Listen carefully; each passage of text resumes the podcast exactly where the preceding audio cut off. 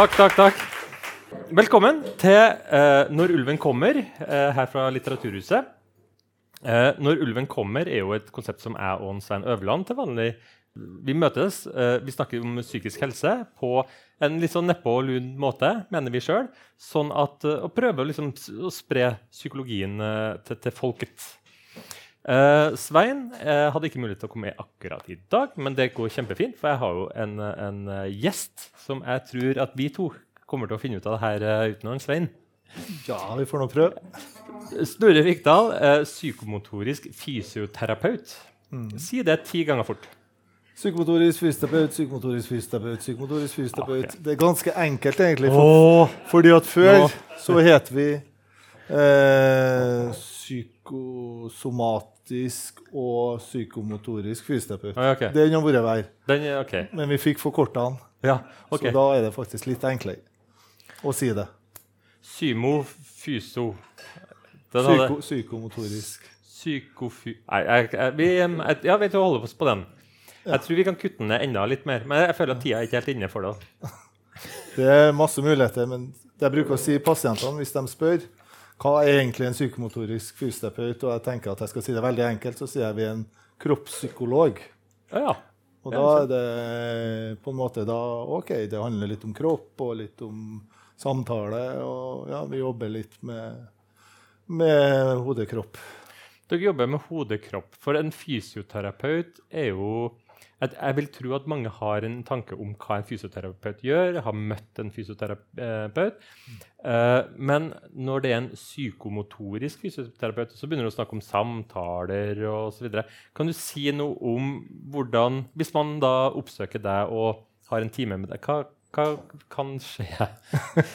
det, det hørtes litt feil ut. Okay, Men eh, kan du beskrive en vanlig eh, møte med deg på jobb? Ja, Det første er jo at vi setter av god tid. Mhm. Vi har jo, nå har vi nye takster, så vi kan justere det mer, men som regel er en psykomotorisk time rundt en klokketime. Mhm. 60 minutter pluss minus. Og første gang er jo litt sånn hva, hva er det pasienten eh, plages med? Og noen ganger så bruker første gangen til å bare prate om ting. Eh, det kan være alt fra ja, hva han har opplevd, hva han plages med. og det er litt sånn, sånn som i dag, så går det litt sånn etter som hva pasienten har å fortelle. da. Ja. Eh, mens en vanlig time etter det kan også bli ganske forskjellig, fordi at det varierer hva pasienten trenger. Hvis pasienten har stort behov for å prate om ting, så kan vi sitte og gjøre det hele timen, hele eh, de 60 minuttene. Men vi prøver jo å vri det over til det kroppslige underveis. Ja. Eh, hvis ikke pasienten Men noen ganger har pasienten stort behov for å prate, og da må vi bare gjøre det. Så det er litt sånn det, Pasienten bestemmer egentlig mye hva vi gjør. Mm. Eh, men hvis du tenker en sånn ti, en time sånn Hva gjør vi? Så, så samtale er en bit av det. Og så er det bevisstgjøring, som, sånn som vi gjorde nå i forhold litt før sending her. At vi kjenner litt på hvordan vi sitter, og så og ta litt frem og tilbake om det, og hva som skjer når vi begynner å slippe opp, f.eks. Mm. Eh, hvordan du står. Eh, eh, kan være f.eks. En god del pasienter smiler jo masse, mm. også når de snakker om ubehagelige ting. Så kan du jo ta, ta opp det. Hvorfor smiler du når du snakker om egentlig helt forferdelige ting? Mm. Og da er det jo ofte en forsvarsstrategi, og så kan vi jobbe litt med det. Ja. Eh, og så har vi litt øvelser ofte, der vi gjør forskjellige ting. Vi kan strekke oss og slippe og masse forskjellige ting vi jobber med kroppen. Og så har vi en siste bit som er på benken, der vi kan eh, jobbe med litt massasje, litt forskjellige teknikker. og litt sånn. Men det er litt annet enn du har til en vanlig fysioterapeut. Vi jobber på en annen måte eh, med massasjen. Og får vi ut etter andre ting også. Vi ser etter andre ting eh, mens vi holder på. Mm. Ok. Ja, for det er jo en del av det jeg kjenner igjen, som du sier, fra en psykologsamtale. Så, du, så da forstår jeg det sånn at du, du er litt der pasienten er. Så Hvis pasienten har lyst til å snakke, så snakker vi, på en måte, som du sier. Ja. Ja. Ok, og så, og så snakker du om det her med å sitte Kjenne på, kjenne på hvordan man sitter, kjenne på altså, forsvarsmekanismer som da manifesterer seg litt i kropp og sånn, som dere tar litt tak i, da. Ja, Ja. prøver jo det. For det er jo litt viktig. Så må en jo gå frem i det tempoet som er passe for pasienten. Mm. Du kan liksom ikke bare rase gjennom alt med en gang, for du må på en måte kjenne litt hva gjør det når du slipper der. Og så kan det bli snakk om at ja, for eksempel at jeg, hvorfor smiler du, og så må vi begynne å reflektere rundt det. Og så, Ja. og så jobber vi litt med det, og så kanskje kommer tilbake neste gang, så har pasienten tenkt litt mer på det. ok, Jeg tenker at det henger sammen med at pappa var veldig streng, f.eks. Mm.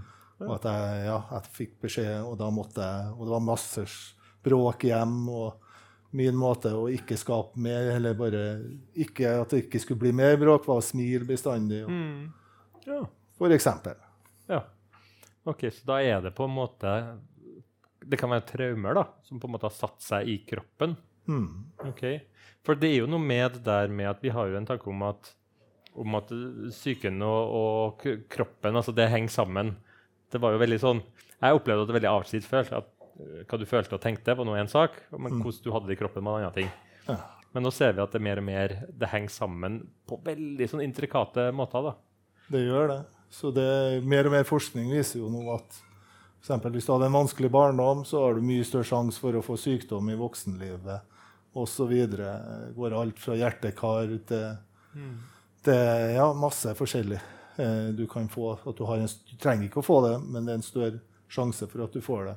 Hvis du har opplevd traumer, og dess flere traumer, dess mer sjanser er det. Og muskel-skjelettplager. Det er jo mange som på en måte utgangspunktet er at de kommer til å se at de har vondt i kroppen, eller kan være der en del starter. da. Ja, og så vet vi jo det at, at uh, samtaler det er ikke for alle. Altså det, er en, det er en del Eksempelvis som jeg har nevnt på tidligere programmer, så er det, jeg har jo jobba med enslige mindreårige flyktninger. Mm. Uh, og det er det, Den kan være kronglete å, å fortelle en afghaner da, som kommer fra en fjellandsby da, en eller annen plass i Afghanistan, skal jeg først fortelle den, uh, at det er noe som heter psykisk helse. Så må jeg fortelle den uh, hva det er, hvorfor man har det. Og så må jeg fortelle den hva eh, man kan gjøre for å få det bedre psykisk. Og så må jeg fortelle den hva en psykolog er, så kan jeg fortelle den hva en psykolog faktisk gjør. Mm. Og så skal vi gå i gang. Og da sier jeg det her har jeg ikke noe trua på. da. Hvorfor skal vi, skal vi bare sitte og snakke? Det, det, da blir det ikke noe. Mm. Eh, og der har jeg litt erfaringer med psykomotorisk fysioterapeuter. Fordi at det blir så fysisk. Det blir så uh, konkret. Mm. Denne muskelen har låst seg. Mm. Her, altså, jeg, jeg klarer ikke å slippe ned skuldrene. Og da er det vel ofte psykiske uh, utfordringer som ligger bak. Mm. Men de blir møtt på en måte som de, de kan nyttiggjøre seg. da. Og det mener jeg er viktig. Mm. Jeg har hatt noen flyktninger, og det er klart mye mer utfordrende. Du har språkbarrieren, du har Mm. kultur, kulturelle måter. Og, sånn som jeg hadde en afghansk flyktning. Han, han fikk ikke til å sove, for han drømte så mye. Mm. Og, så, og I deres kultur så var det sånn at hvis du drømmer fæle ting, så var det straff fra Gud. Mm. Så måtte jeg prøve å forklare han at nei, du drømmer fæle ting, for du har opplevd fæle ting. Mm. Så måtte vi jobbe med det, og så fikk han jo roa seg litt ned. Også. Mm. Sånn at det, det er klart mer utfordrende å jobbe når du har, har andre ting i tillegg som du må gjennom, som du sier, da, før du kan begynne med, egentlig med terapien. da. Men, men er det for alle? Det, har du barn? Eller, altså, om du, eller men, kunne du potensielt ha ha møtt barn? Eldre? Store og små? Det er for alle egentlig som eh, har noe å jobbe med. Ja. Det er liksom ikke, Alle må ikke ha det, men for dem som, for dem Alle som burde ha det? Er det?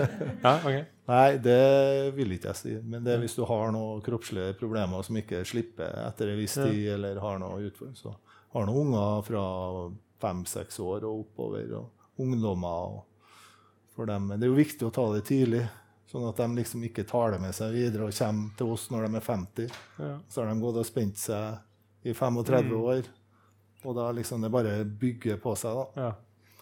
Så, eh, så derfor er det veldig nyttig til barn og ungdom, egentlig. Vi burde ha vært mer inn der. Eh, Ja. eh, og vi prioriterer jo barn og ungdom, da, Ja. sånn sett. Ikke sant, for jeg prøver å tenke på eh, om det er noe sånn alvorlige psykiske tilstander som ikke vedrører kroppen på noe vis. For det kan ikke jeg, klarer ikke, altså Hvis du har angst, da, så er du aktivert. Da er du liksom, du strammer, du er redd. Ja. Eh, samme med, med hvis du er, er traumatisert, Så har du også den der aktiverings... Du har også noen invaderende tanker, sånn som du sier med, med drømme. og du, du kan ha noen unnvikende atferd. Depresjon. Mm. Eh, ikke sant? Da er du mer er der. Det er veldig kroppslig. Ja. Um, ja. Så Jo, sånn tradisjonelt så var det når Det er jo Psykomotorisk fysioterapi er, norsk, er jo en norsk metode. Mm. Den eh, ble jo eh, laga her i Norge. Ja. Så det, og, og sånn tradisjonelt så eh, på, Det var på rundt 40-50-tallet når den begynte å ta ordentlig form. Så, og da var det sånn tradisjonelt var at vi skulle ikke jobbe med de, de som hadde alvorlig psykisk lidelse. For det kom til å bli for mye til dem hvis vi åpna opp. Og, Å, ja. Og, og sånn. Men erfaringa etter hvert er jo at vi kan jo jobbe med dem, bare at vi må jobbe litt annerledes. Vi tenker ofte med stabilisering. Mm. At vi skal få dem til å være der de er, ha det bedre der de er. Eh, og eksempel på DPS så har du jo mange rundt deg. Du har jo mange du kan prate med. Mm. Så det er noen ganger der kan du være litt mer åpnende og litt, litt, uh, åpne opp litt mer fordi at du har noen å prate med mens du er der. Så, eh, men klart, de alvorligste, f.eks. Ja, personlighetsforstyrrelser, men det er jo vanskelig for alle eh, psykologer og alle hvordan en skal få hjulpet dem, f.eks. Det er jo vanskelig, da, for eksempel, da. Men, men du bruker ord som at, at du, du jobb, jobber med noe, så åpner du dem. Hva betyr det?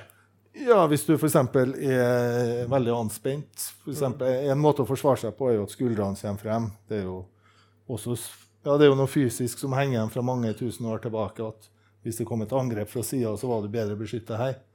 Og, det, og hvis du er, hadde mye stress da, og beskytta deg ved å ha skuldrene der, så kan du tenke at vi åpner ved å få jobbe med å få skuldrene Åpne opp brystkassa, Ja. åpne opp, få skuldrene mer i en mer eh, bedre posisjon for resten av kroppen også.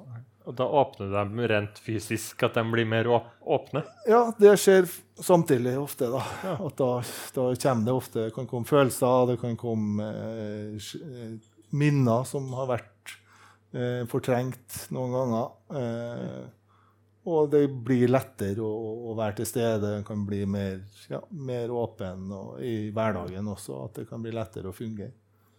Ja, men Jeg syns det der er veldig spennende. Jeg kanskje må høre litt mer om det. Fordi at jeg, jeg åpner meg jo hver morgen når jeg skal ut av senga eh, og strekke meg og sånn, uten, å- uten å ha de store følelsene. Jeg, jeg, har litt, jeg kjenner litt, litt av de følelsene òg. Men, men poenget er at um, du så kommer følelsene, så kommer hva- er det som skjer? Setter det seg her, da? Hvordan kan det komme masse følelser av at man åpner seg? Nei, ved at du åpner, så, så, så vil pusten lettere kunne gå. Kan, Ja. og, pusten er jo veldig viktig. Det er jo en sånn følelsesregulator vi har. Når hvis du er redd, så holder du pusten. Hvis du er an, ja, anspent, så går det ofte å holde pusten. Okay. Eh, og, og da, hvis du holder pusten, så eh, det, det er jo, Mellomgulvet ligger jo her som en svær plate. Så hvis du går og holder der, så når du holder pusten og stopper den naturlige avslappa pusten, så vil du jo egentlig besvime, for kroppen trenger jo oksygen. Men kroppen har jo en sånn reservemekanisme ved å begynne å puste oppi, oppi ved hjelp av brystmuskulaturen, ved hjelp av halsmuskulaturen, ved hjelp av nakkemuskulatur. Så skaper den et undertrykk til lungene, sånn at du besvimer ikke. Det er liksom eh, Så over tid Og de, det, det er jo nyttig, som alle sammen har det av og til, at du trenger det hvis det er masse stress, og så er stresset over, så er det ferdig. Eh, men til noen så er jo stresset aldri ferdig, for det Nei. står og står og står og står og har gjort det i mange år. Mm. Og da blir jo den muskulaturen der overbelasta, og den blir stram, Mm. og den blir vond. Og, og etter hvert så blir det vanskeligere å puste oppi her også, for det blir jo stramt her også, i halsen, i brystet. Og når du i tillegg ikke bruker den Eller du, du er ikke klar over det, eller du, du klarer ikke å slippe magen, så da, da blir det vanskeligere å, å, å både flyte i kroppen, men også i forhold til, til å puste og fungere, rett og slett. Det er noe, altså det er noe spennende der med at man kan ha Altså man kan være veldig anspent uten å vite det. Jeg hadde, jeg hadde en opplevelse hvor jeg kom, jeg kom hjem fra jobb og var liksom Å, å, kjempe liksom, Jeg vet ikke. Litt sånn uh, anspent, da, si. Kom inn, og så la jeg meg i sofaen og så sier jeg åh, du, du vet, Når du legger deg i sofaen, så får du den derre Det slipper litt. Ja, ja. Og, jeg, åh, og så, da hadde ikke jeg tenkt over hvor uh, anspent jeg faktisk var før etter jeg slapp i sofaen. Mm. Men det som skjedde så, var det at jeg, jeg duppa litt. da. Ja, ja. Og så når du da våkna opp, da er det sånn Å, så avslappa jeg nå. Så da sjøl etter jeg trodde at nå har jeg liksom sluppet, så tenkte, var det enda et nivå under. da. Eh, noe som sa meg det at Og jeg kommer jo, fra, kom, jo da fra masse sånn individualsamtaler med anspente. Så tenk hvordan er det dem har det, da. Ja, ja. Eh, og jeg tror nok ikke dem heller hadde den samme bevisstheten. da. Sånn det der med at du kanskje går rundt og bærer på noe uten å bite, da. Ja, og det er jo også fordi at vi ikke Det er jo på en måte et skille mellom kropp og, og hode i samfunnet fortsatt, selv om Mm. kroppstanken er kommet mer inn. Eh, så det er jo hvis du, hvis du er vant til å være anspent, så, så tenker du ikke over det. Det, det bare er der, og så til det blir plager, og når det begynner å bli plager, så, så begynner du ofte å gå til legen og sjekke ting. Og så, men så, så lenge, det er jo vanlig å være anspent innimellom, og kroppen tåler det jo godt. Så, sånt til deg, så du kommer på sofaen, du klarer å slippe deg ned, og du sovner, kroppen får hvilt, og så, så har du jo fått hvilt, og da er kroppen klar igjen å Mm. så, så, så det er jo normalt å være litt anspent innimellom. Det, men når det står over lang tid, Mm. og hele tida, og det er ting som Så blir det problemer. da. Mm. Er det noe som er vanskelig å jobbe med? Altså på den måten du jobber med? Eller er det liksom alle Du sa det at sånn alvorlige psykiske lidelser kan være litt utfordrende. Men, men er det noen sånne andre spesifikke ting som ikke, du tenker ikke nødvendigvis kan nås kroppslig, eller er alt kropp? Alt er ikke kropp. Du har jo skader, og Ja. du har jo eh, aldringsprosesser, Mm. du har jo andre ja, negative forurensning det, det er jo- Det er jo masse ting som påvirker oss. Ja. Men klart, kroppen er en viktig del, for vi har den jo alltid med oss. Du kan ikke legge den Du kan eh, sånn psykisk klare å legge den fra deg, at du ikke er til stede og ikke registrerer det. Mm. Det kroppen prøver å formidle eller si innimellom. Men den er jo alltid med deg. Ja, det er sant. Det er sant.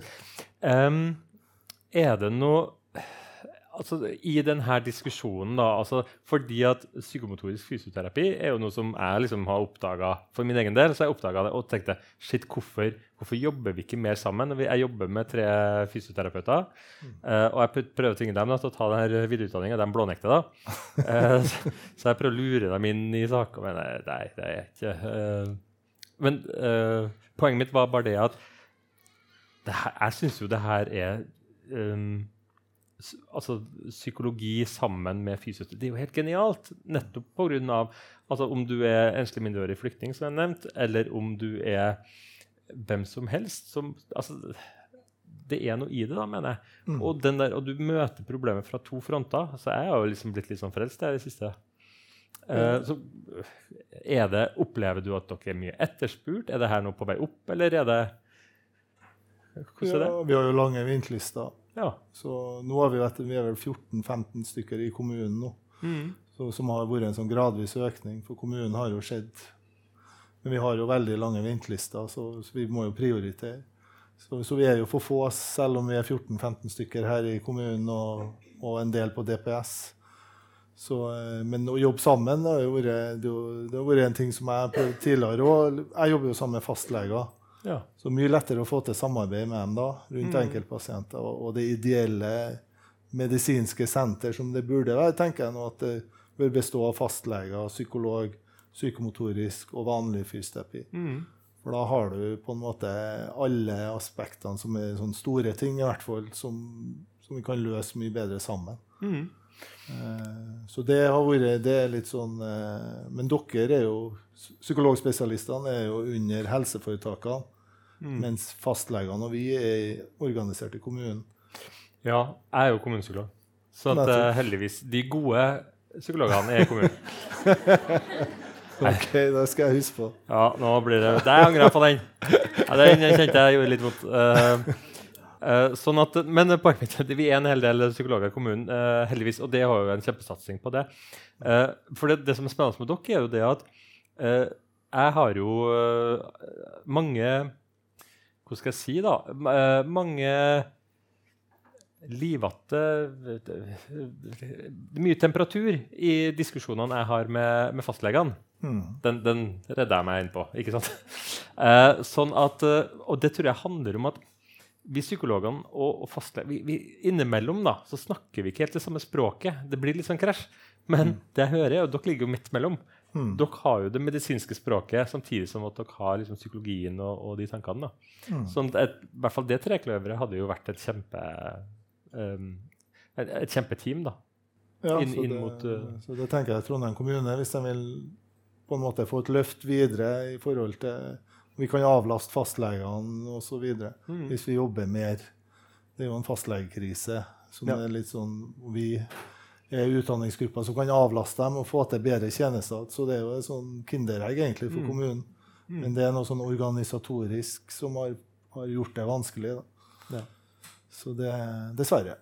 Dessverre. Sånn er det. Mm. Er det noe annet vi ikke har snakket om, som er viktig å ta opp? Jeg, jeg, det er jo litt mitt første møte med, med denne gruppa her. da.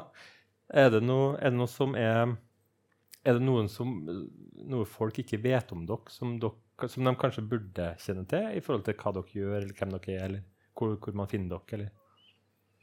Vi er nå litt spredd i byen. Også, men det er jo det med ventelistene som er det hele. Mm. Fordi at mange møter oss jo, og så, så blir de satt på en venteliste. Og så, hvis den blir lavt prioritert, så har vi ja. pålegg om å prioritere de høyeste hele tida. Ja. Så det er litt sånn dumt egentlig å reklamere for en tjeneste som, som, vi faktisk ikke kan gi til mange. Da, og det er jo veldig synd. Eh, men det som er bra nå i Norge, da, er jo at nå har det jo kommet opp på masternivå psykomotorisk. Sånn at vi er jo fysioterapeuter først, grunnutdanning, og så er vi turnus et år. Så må vi jobbe to år minimum, og så kan vi ta videreutdanning. Ja. Og nå har det psykomotorisk kommet opp på eh, masternivå, og det, det er på, i Oslo, og i Bergen og Tromsø. Så det utdannes jo mange etter hvert her nå. Ja. Så, så eh, håpet er jo at vi skal bli flere, da. Men dere må, dere må jo ikke si at uh, vi må passe på å ikke reklamere for oss sjøl, for da får vi masse, blir det masse etterspørsel. Dere må jo bare skape et enormt etterspørsel og så si vi trenger flere folk. Jo, jo, jo, det er jo også en ja, Vi har jo jobba med kommunen i mange år. da. Ja. og formidla det, og det har jo sakte, men sikkert blitt flere av oss. Men Trondheim har jo 3000 nye innbyggere hvert år. Ja. Sånn at det spises jo opp fort. da med at Trondheim blir større og større. Da. Men, men, ja, men du sier venteliste, du sier spesialisthelsetjeneste osv. Men uh, hva kunne altså sånn, Enten hva er deres bidrag, eller hva kunne deres bidrag til en mer sånn samfunnsinnsats være? Altså hvis, I stedet for at dere tar imot én og én pasient på deres kontor, hvis, hvis dere skulle blitt med ut da, i samfunnet, inn på en skole for eksempel, eller på et sykehjem, eller hvor som helst, Eh, føler du at det er en arena for dere å være, eller dere, har dere en jobb hvor dere egner dere best på et kontor? Nei, det, det er jo også noen som jobber grupp, med grupper også. Som, mm. Sånn at en kan ha flere. og det, Da får du jo en annen dynamikk også. Mm. Så, så, det er jo en veldig bra ting. Og en del av oss gjør det, noen mye. Mm. Og jeg tenker jo Ute i skolene burde vi absolutt ha vært, mm. sånn i forhold til ungdommer. og Bare ta litt sånn enkle ting eh, med dem, sånn som vi gjorde litt her. Bare sånn at en eh, vet at kroppen, at en spenner seg i kroppen, og hvordan en gjør det, mm. osv. Eh, jeg tenker i BUP burde vi ha vært. Eh, mm. Der er det jo ingen psykomotoriske fysioterapeuter. Sånn at, eh, men de henviser av og til til oss. Ja. Sånn at der tenker jeg jo at vi har eh, viktige roller da, mm. Eh, som vi kan fylle. Mm. Det er ikke sant. Ja, nei, jeg syns det er veldig spennende. For jeg er jo veldig på forebygginga. Og hvis vi klarer å forebygge dem forebygge sånn at de ikke har behov for å komme til dere i utgangspunktet. Med som du sier, å gå inn i en klasse. Jeg jobber jo med mye, mye ungdomsskoleelever. Og det, det, er mye armer og bein, da. Mm. Uh, og de vet ikke helt hvor de skal sette dem, og hvordan det, hvordan det, hva er opp og hva er ned. Og. Jeg tror de kunne godt ha hørt at sitt, kjenn på mm. der dere sitter, kjenn på fotene, mm. pust med magen. Ja, eller Der sa du noe som ikke jeg egentlig er så for pust med magen. Ja, det er, ok. Fordi at hvis du holder magen, ja. og så får du beskjed om å puste med magen, ja. så står du og slåss egentlig mot det holdet. Ja. Så det du heller bør si, er 'slipp magen'. Slipp magen. Det kommer ikke, jeg, jeg til å gjøre på TV, men uh, greit. Jeg hører, jeg hører hva du sier. For det er veldig populært å si 'bare pust med magen, så blir det Ja. bra'. Og så, Ja. og så, står, og så holder du magen, og så skal du begynne å puste med mellomgulvet, og så står de og stanger mot hverandre. Okay. Det blir en ny ting som står, og et nytt hold igjen, egentlig. ok. Så det er mye mer naturlig. Da vil pusten komme ettersom du har det, og lettere å komme gradvis etter der du er. da. Um, vi går mot slutten her nå, men, men, eh, men jeg syns det var et, bra poeng du hadde der. Er det andre ting altså, som uh, hvermannsen kan ha i bakhodet, øvelser man kan gjøre hjem? eh, noen tips og triks? Ja, Du nevnte jo i sted at det første du gjør om morgenen, er å strekke deg. Ja. Og det er jo veldig viktig hvis det er jo sikkert en del her som har dyr, hunder og katter. Dere ser jo hva de gjør første de gjør etter de har ligget i ro. Jeg, strekker meg, og så banner jeg litt. Jeg vet Ja. ikke om det Jo, men da får du det ut. Da får du det ut. Ja, får jeg ut? Ja, ja ok. Ja, så det er bra det er jo Ja. veldig bra. Ok. mhm. Så det er jo det å eh, strekke seg er jo viktig. For det er, noe, det er jo noe vi naturligvis De som har små barn, ser jo De strekker seg jo, de gnir seg litt i øynene. Åh, så blir de avslappa da. Ja. Så det er en måte kroppen vår har en mekanisme for å slippe ut spenning, Mhm. men som vi slutter veldig ofte å gjøre. For du skal ikke ta plass, eller du ser så sløv ut, eller, eller at, Og så har du gjespen, og det er også en sånn mekanisme som kroppen også har for å få en avspenning. At du gjesper og kanskje strekker samtidig òg. Så det syns jo kroppen er veldig godt, da. Men det er jo også der at får beskjed nei, slutt, og du ser så trøtt ut, og ja, det, der får du ikke lov til. Okay. Så det er sånne enkle ting som, som folk som dere kan prøve å jobbe eller kjenne litt på det om det kan være ok. For det er en sånn måte å slippe opp spenning som kroppen syns, som ligger der egentlig i oss. Bare at vi på en måte har lært at det skal du ikke gjøre av forskjellige grunner. Mm. Ja. ja jeg, hadde, jeg var, var på kurs i mindfulness en gang. Og det var noe, der lærte jeg noe som jeg har brukt mye av. Nemlig hvis du ligger på rygg da i senga, eller sånn, og så, kjenner, og så prøver du bare Plutselig så puster du ut, og så prøvde å synke enda litt lenger ned. Mm. Og plutselig så, Der har jeg også noen ganger funnet ut at, at Oi, shit, jeg, jeg hadde enda mer å gå på, på en måte, på avslapping. Jeg lå fortsatt litt over madrassen. Ja, ja. For eksempel, da. Det er noe som har funka for meg. Mm. Er det, kan jeg dumt, det òg? Er Eller bra? det- Eller, eller dumt? Eller Det er ikke dumt. Ja, det er ikke bra. Ok, Det er ikke dumt, da, men det er litt sånn Ja. Det er mange ting en kan gjøre. Ja, okay. Eh, sånn at det er liksom ikke noe som er dumt. Eller eh, Det viktigste er at noen ting kan en gjøre sjøl, og noen ting trenger en hjelp til å å, og det kan være bra å være sammen med en terapeut også for å få jobba litt med det. Hvis det er ting som ligger der eh, som en trenger å jobbe litt med. Spennende. Tida flyr. Har, har det, var det greit? Ja, det var greit. det Har du, jeg har prøvd å sitte rett i ryggen hele tida. Har du lagt merke til hvor flink jeg har vært? Ja, og Det er heller ikke bra, da. Jeg føler jeg kan ikke vinne her, da. For da sitter du ofte, Det er jo Ja. det mange sitter og retter seg opp, og da bruker du jo ryggmusklene til å holde deg opp. Og så, Mens i stedet, hvis du slipper deg ned på sitteknutene, som vi snakka om i starten, så vil du få en naturlig strekkfølelse i kroppen som Ja. på en måte Altså. får den avslappa holdninga. Takk skal du ha. Takk for at eh, du kom. Um, vi kan, dere kan eh, se det her på uh, Trønder-TV. Det går jo eh, live. Eh, det, går, eh, det legges ut på Trønder-TV sine nettsider. Du kan se det på Litteraturhuset sin livestream. Du kan høre det på podkast. Det er det. Det er ganske bra. Det var bra. Det er bra nok. Ja.